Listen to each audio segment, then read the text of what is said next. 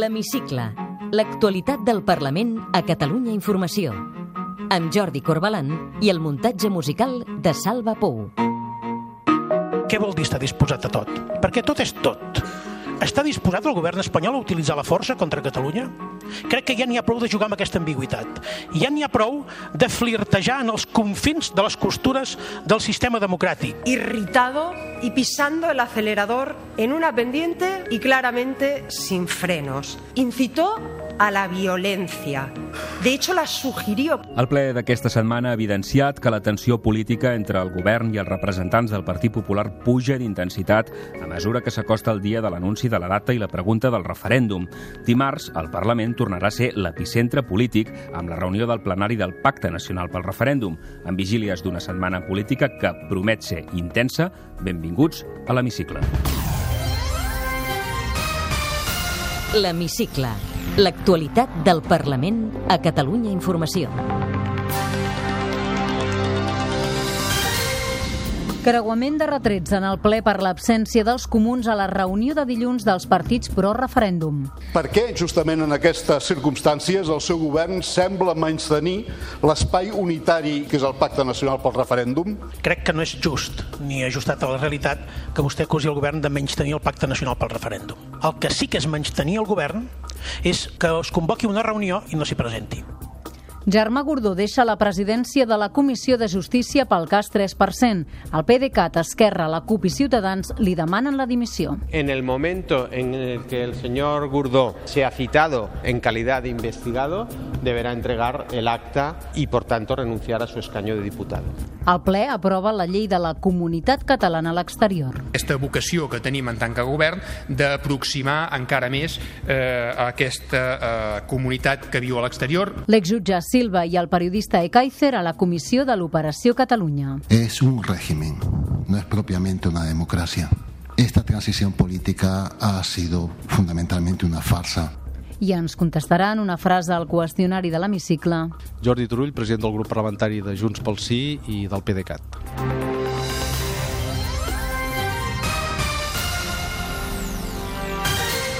El president Carles Puigdemont desafia el govern del Partit Popular a aclarir si està disposat a utilitzar la força contra Catalunya per aturar el procés.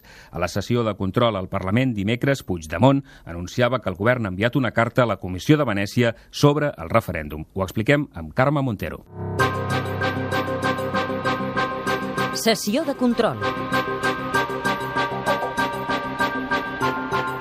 Carles Puigdemont aclaria instàncies de la cupaire Gabriela Serra que no és la CUP qui mana Catalunya ni pren les decisions del govern després de les acusacions fetes per l'executiu de Rajoy.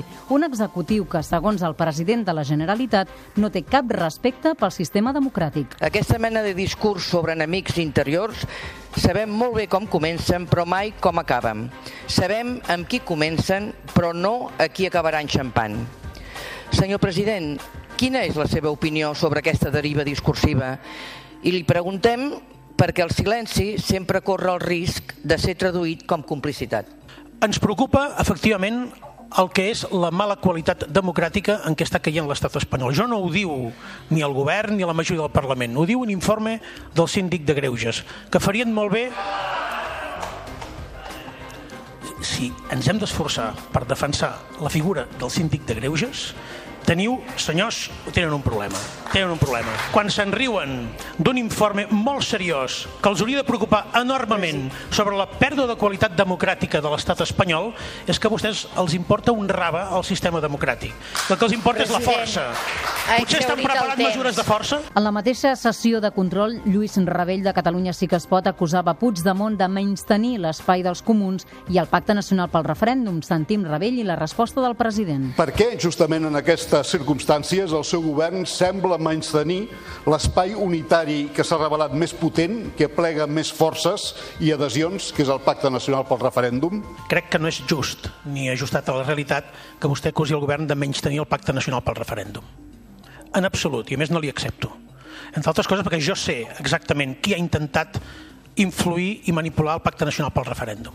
Jo ho sé. I no ha estat aquest govern. El que sí que és menystenir el govern és que es convoqui una reunió i no s'hi presenti. Cregui'm que si vostè vol que les coses continuïn anant com han anat fins ara, el primer que haurien de fer seria justament participar d'aquells espais que continuen tenint el denominador comú que ja no és referèndum sí o no, sinó que s'està convertint cada vegada més en democràcia sí o democràcia no. Puigdemont va revelar que el govern ha enviat a la Comissió de Venècia, òrgan assessor del Consell d'Europa, una carta per informar de la seva aposta per un referèndum pactat. Des del PSC, Miquel Iceta demanava al president que respecti la legalitat vigent. L'emplacem novament a no situar les institucions catalanes fora de la llei, a no furtar informació ni drets als grups de l'oposició i, sobretot, que no cometin la irresponsabilitat de prendre decisions que poden acabar perjudicant el país i les institucions precisament per no haver previst les seves conseqüències. Què li sembla a vostè que s'hagi bloquejat la Comissió d'Investigació de l'Operació Catalunya al Congrés dels Diputats a Madrid? Li sembla bé això?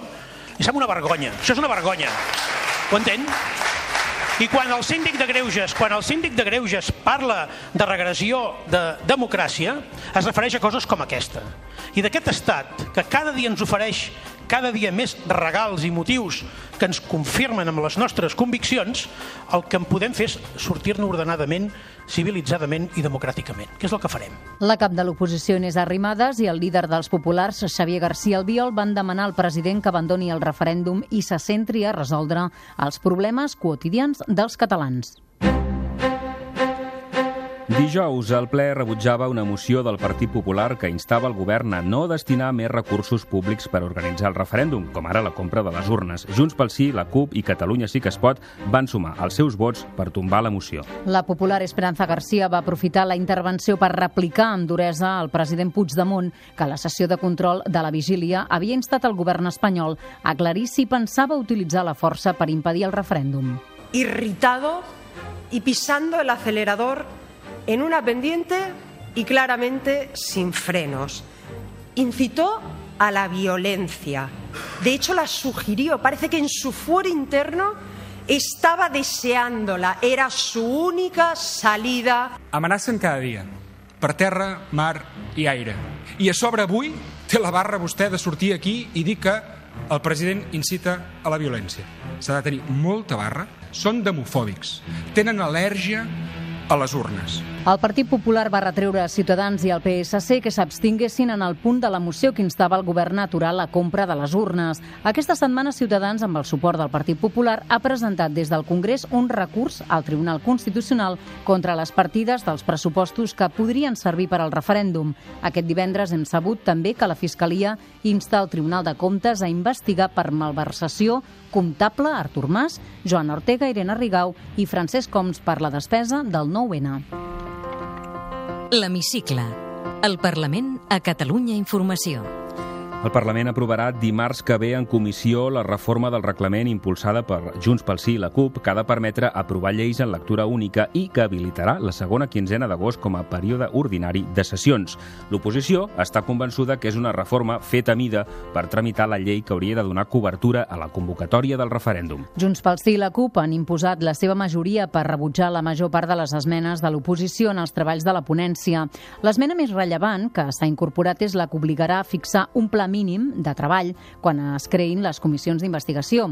Així es pretén evitar que la majoria pugui bloquejar comissions, com ha passat en la del cas Santi Vidal. Els canvis del reglament no s'aprovaran definitivament en el ple fins a mitjans de juliol perquè Ciutadans i el PSC ja han anunciat que recorreran al text al Consell de Garanties. Sentim el portaveu de Ciutadans, Carlos Carrizosa, i la socialista Eva Granados, i també Joan Coscubiela, de Catalunya Sí que es pot. Ells el que volen és posar el reglament al, a les ordres d'un projecte polític. Els reglaments són les regles del joc que ens dotem els diputats i les diputades i, per tant, els representants dels ciutadans de Catalunya per fer lleis que s'ajustin a dret. Crec que hem assistit a un episodi més de la decisió de Junts pel Sí i la CUP d'aplicar la piconadora per trepitjar els drets dels altres grups parlamentaris. Mai he fet res fora l'ordenament jurídic i mai cap empresari m'ha demanat res fora de l'ordenament jurídic. Mai.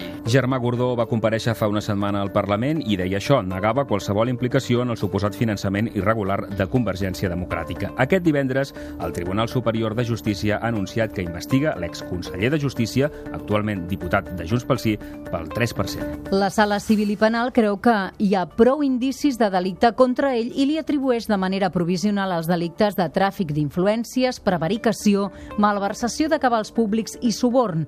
Germà Gordó ha acordat amb el PDeCAT la baixa com a president de la Comissió de Justícia del Parlament, però no renuncia a l'escó de diputat.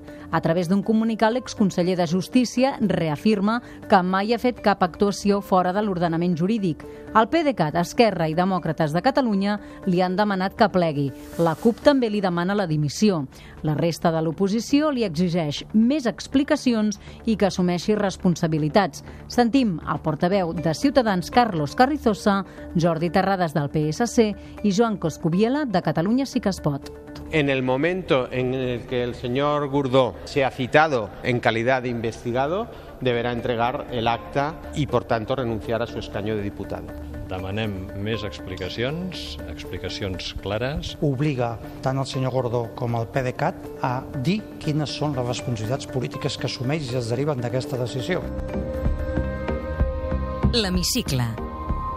El Parlament donava llum verda en el ple d'aquesta setmana la tramitació d'una proposició de llei que busca protegir els denunciants de casos de corrupció, els anomenats alertadors. La iniciativa de Ciutadans proposa que les persones físiques o jurídiques que denunciïn casos de corrupció tinguin dret a la indemnitat jurídica plena, tret que estiguin implicades en els fets que es denuncien. El diputat de Ciutadans, Fernando de Páramo, va ser l'encarregat de defensar el text. Hasta ahora lo que ha pasado es que en este país y en Cataluña concretamente, se ha protegido a los corruptos y no se ha protegido a los que se atreven a denunciar a los corruptos. Y creo que ha llegado la hora de proteger a los que se atreven a denunciar y de castigar a los que roban. La resta de grups van coincidir en la necessitat de legislar sobre aquesta matèria, però creuen que la proposta de Ciutadans està buida de contingut. Per això, tot i no presentar-hi esmenes a la totalitat, pensen modificar el text durant la tramitació. Escoltem el copaire Benet Salelles i la popular Esperanza Garcia, que està sorpresa que Ciutadans defensi una llei que envaeix competències del govern espanyol. Hi ha un barrig barreig de conceptes, posen al mateix nivell irregularidades, malas prácticas, fraude y cualquier ilícito penal o administrativo. Lo peor y lo que sí que nos preocupa es que se invaden competencias. Esto que lo haga el gobierno es normal, que lo haga un partido de la oposición nos extraña un tanto. L'hemicicle. L'actualitat del Parlament a Catalunya Informació. El ple aprovava dimecres la llei de la comunitat catalana a l'exterior amb el suport de tots els grups excepte el PP i Ciutadans. Actualment, uns 285.000 catalans viuen a l'estranger. És un nou model de relació entre la Generalitat i els catalans que viuen a l'estranger. Per primera vegada es reconeix individualment els ciutadans que viuen a l'exterior com a subjectes de drets i deures en l'àmbit de les competències de la Generalitat. Això inclou les prestacions de sanitat, educació, joventut, cultura, ocupació i habitatge. Ciutadans i el Partit Popular estan convençuts que el registre de catalans que viuen a l'exterior, previst a la llei, està pensat pel referèndum. Sentim el diputat popular Juan Milian, Susana Beltran, de Ciutadans, i la rèplica des de Junts pel Sí de Jordi Cendra. Aquest registre és una eina més del procés. Per això va emergir abans el 9-N i per això ara torna quan volen repetir el 9-N. És un registre que només té una finalitat, tenir dades personals per a fer un referèndum il·legal. Aquesta llei està discriminant aquelles persones que pensen diferent i que tenen un model diferent d'organització política territorial de Catalunya. Escoltin, hem fet una llei per tots els catalans a l'exterior, que ajudarà a tots els catalans a l'exterior. Els discriminadors són vostès. I dubtar d'aquesta llei Dubtar d'aquesta llei és precisament manca de valors democràtics per part seva. L'hemicicle. La Comissió d'Investigació de l'Operació Catalunya continuava dimarts els seus treballs al Parlament. Sí, ho feia amb les compareixences de l'advocat i jutge inhabilitat Elpidio Silva, del periodista Ernesto Ekaizer i dels representants del col·lectiu Drets, que el mateix dia presentaven a Andorra una querella contra quatre comissaris de la policia espanyola que haurien amenaçat i estorquit els germans Cierco perquè revelessin les dades bancàries de polítics catalans. Sentirem per aquest ordre l'advocat de Drets, Agustí Carles, el periodista Ernesto Ekaizer i l'exjutge Silva. s'anuncia el 9-N, aquí es posa en marxa l'operació Catalunya en estat pur. Un senyor de l'ambaixada espanyola a Andorra, Celestino Barroso, un inspector, surt de la seva ambaixada, presumptament, segons totes les denúncies, parla amb el senyor Cierco, un dels accionistes de BPA, i li diu, senyor Cierco, si vostè no fa el que li diuen des d'autoritats espanyoles, si no fa cas, els seus bancs o el seu banc morirà. Això està denunciat a Andorra, per això estem a Andorra. No hem anat per caprici, és que ha passat a Andorra. Lògicament, aquests senyors al final se'n van a Madrid. I els dies 6, 18 i 28 a l'hotel Villamagna de Madrid, el senyor Martín Blas, anomenat Fèlix, perquè hi ha atestats amb fotos, sembla ser que li diu això.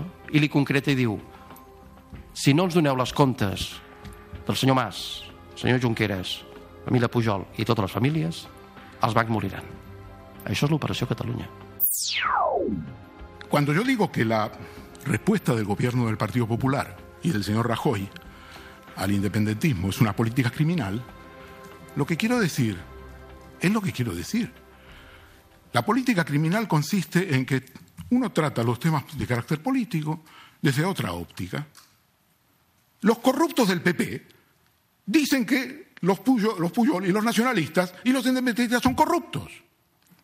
Y entonces, sobre la base de la idea de la corrupción, voy a destruir. Pero que las masas catalanas simpatizan con el independentismo porque les gusta la corrupción, porque son intrínsecamente corruptos. ¿Dónde se ha visto esto? Es un régimen, no es propiamente una democracia. Eh, como consecuencia de lo que sucede, de los hechos que suceden a lo largo de la transición política, esta transición política ha sido fundamentalmente una farsa para la sociedad española. No se tejieron de una manera adecuada los elementos fundamentales de un sistema democrático. Té la paraula Jordi Turull, president del grup parlamentari de Junts pel Sí i del PDeCAT. En una frase. Ha arribat l'hora de la veritat? I tant, ha arribat l'hora gran que havíem sentit a parlar molt temps, doncs eh, ara ha arribat ara. L'anunci de la data i la pregunta imminent tensarà encara més la relació amb l'estat espanyol. L'espanta que se'ls acusi de colpistes? Al revés, jo crec que la data i la pregunta el que farà és generar molta il·lusió i molta esperança a molta gent que és a la gent que ens devem. El que faci l'estat espanyol és imprevisible i, per tant, nosaltres ara a la nostra i només depenem de nosaltres. El 8 d'abril del 2014, vostè va ser un dels tres diputats catalans que van anar al Congrés a demanar permís per fer un referèndum a Catalunya. Què en recorda d'aquell dia? moltes coses, moltes sensacions, però sobretot un moment que, com que a mi em tocava eh, trencar el gel, era el primer, i hi havia un ambient molt solemne i molt tens, doncs que baixant les escales eh, per pujar al faristol doncs pensava en les meves filles i pensava en la via catalana que es havia fet l'any anterior als milers i milers de ciutadans amb la idea aquella de no els pots fallar, tranquil Jordi, no els pots fallar. Cadena de confiances, la roda del hàmster, el mentrestant... De tot el vocabulari que està fent néixer el procés, amb quina paraula o expressió es quedaria? Referèndum o referèndum. Per desbordar democràticament l'Estat, expressió que li he sentit eh, més d'una vegada, amb què i amb qui compten? Amb un govern absolutament determinat, amb 72 diputats com a mínim absolutament determinats, centenars d'alcaldes eh, absolutament determinats, milers de regidors i regidores i, sobretot, el més important, doncs, eh, milers i milers i milers i milers de ciutadans que volen exercir d'això, de ciutadans i no ser súbdits. Encara confien a sumar la direcció dels comuns al referèndum unilateral? Eh, ens agradaria, però en un referèndum qui vota són les eh, persones, no les direccions de les forces polítiques. I, per tant, el que sí que confio és que moltíssima gent com que això ja no només anirà d'independència, sí, independència no, sinó d'aprofundiment democràtic, sí o no, doncs que moltíssima gent que es pot veure doncs, eh, allò identificada amb els comuns acabarà votant i votant sí a la independència. Què preveu més complicat, el mentrestant o l'endemà? És a dir, celebrar el referèndum o el dia després? Jo crec que tot serà molt, eh, diguem-ne, complicat, però de molt bon fer. És a dir, tot això que ens ve ara, tot el que estem patint de persecució de l'Estat, l'expressió seria és complex, és difícil, però fa de molt bon fer perquè molta gent, molta, molta, molta gent que els hi devem haguessin pagat el que fos per viure aquest moment. Si hi ha inhabilitacions, sempre quedarà algú disposat a entomar-les? Nosaltres assumim aquest repte amb totes les conseqüències, eh, i totes vol dir absolutament totes, però com que sóc dels convençuts que farem el referèndum i el guanyarem, aquí no s'inhabilitarà ningú. Nosaltres només patim per una cosa, que no ho fessin bé i qui ens inhabilités fos el poble de Catalunya. Jordi Turull és dels diputats veterans. És al Parlament des del 2004. Ha canviat molt el Parlament des d'aleshores? Ha canviat perquè ara tenim dos actors que abans no hi eren els, els primers anys que jo era diputat. Que un es diu Fiscalia i l'altre es diu Tribunal Constitucional, que no els ha escollit els ciutadans de Catalunya i que es pensen que són els que ens han de dir de què podem parlar i no, que, i no podem parlar. Aquest és el gran canvi que hi ha. Que la inviolabilitat dels diputats està molt uh, qüestionada i que han entrat uh, per una porta que no podien pas entrar aquestes dues institucions, la Fiscalia i el Tribunal Constitucional. Un referent polític.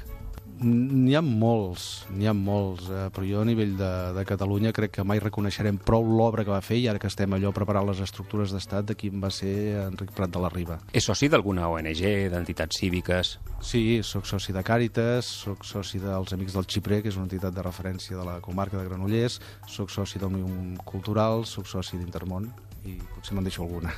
Recorda que volia ser de petit? De petit, petit, eh, camioner, perquè llavors el meu pare feia de camioner i jugava a fer de camioner, però després, des de que tinc gairebé ús de raó, eh, sempre havia volgut ser advocat. De fet, a la, a la classe sempre em deien que semblava l'advocat dels pobres i sempre he tingut aquesta vocació que també va bastant lligat al que faig ara. Quin va ser el seu primer cotxe? un Peugeot 205, quan el primer, eh? perquè jo havia, el meu pare em deixava el seu R12 familiar a vegades eh, quan li demanava, però el meu primer primer va ser un Peugeot 205. Carn o peix? Depèn, però jo sóc més de, de carn. Té traça amb els fogons? M'agraden, però és que tinc un problema, que és que la meva dona cuina tan bé que qualsevol comparació és odiosa, però la pasta, per exemple, tot el món de la pasta se'm dona molt bé, almenys això em diuen les meves filles. Què el distreu més de la tele, si és que li queda temps per mirar-la? Soc bastant de fer sàping, eh? però sobretot eh, m'agrada pel·lícules d'aquestes que et distreuen i t'abadeixen de, de, del moment i de l'actualitat. La, També els grans reportatges, eh? però sobretot pel·lícules. Dorm amb el mòbil a la tauleta de nit? Sí, perquè em fa de despertador. És que ara ja, com que el mòbil serveix per tot, gairebé menys per trucar, doncs em fa de despertador i per això el tinc a la tauleta de nit. Vostè és dels que a Twitter no es mosseguen la llengua. Creu en el poder de les xarxes socials? Mm, poder relatiu. Uh, és un món bastant tancat, eh? al final també, però sí que és una manera de, sense filtres, poder expressar el que penses d'una cosa que el fas arribar a molta gent sense que hi hagi el filtre de cap titular ni de res de tot això. És una manera doncs, d'informar-te molt, però també expressar a molta gent directament doncs, la teva opinió respecte a moltes coses. Recomani'ns un llibre. Jo, un llibre que em va marcar molt, que era molt jove, però quan el vaig llegir, la situació on el vaig llegir va ser Solitud Uh, però ara uh, estic acabant de llegir, que fa temps que hauria d'acabar de llegir, doncs, el Carter Prosquit de, de l'amic Jaume Clotet. Ara li complico una mica, Parets o Jo s'ha de cadir? Els dos, no és incompatible. Parets té una cosa que no té cap altre poble del món, que és que és on té nascut, eh, on he crescut, on visc i on han nascut les meves filles, i jo s'ha de dir és màgic, és màgic per l'entorn i és màgic per la gent que hi ha, i per tant jo sempre dic que jo em reconec com a dos pobles que porto al cor, que és tant Parets, el meu poble de tota la vida, com Josa de Cadí, que és, eh, és especial, Josa és màgic. Escolti, farà vacances aquest estiu? Les convencionals segur que no. Què hi ha després de la mort? Hi ha alguna Jo sóc creient i estic convençut de que hi ha alguna cosa. Què l'omple més a la vida? Fer coses que siguin útils sobretot als altres i veure créixer les meves filles eh, i que siguin felices les meves filles. El seu principal anel? La independència del meu país. Jordi Turull, president del grup parlamentari de Junts pel Sí, gràcies per ser avui a l'hemicicle. Moltes gràcies a vosaltres. Podeu tornar a escoltar l'hemicicle al web catradio.cat barra hemicicle i seguir l'actualitat del Parlament a través del Twitter a arroba hemicicle i arroba cati-política.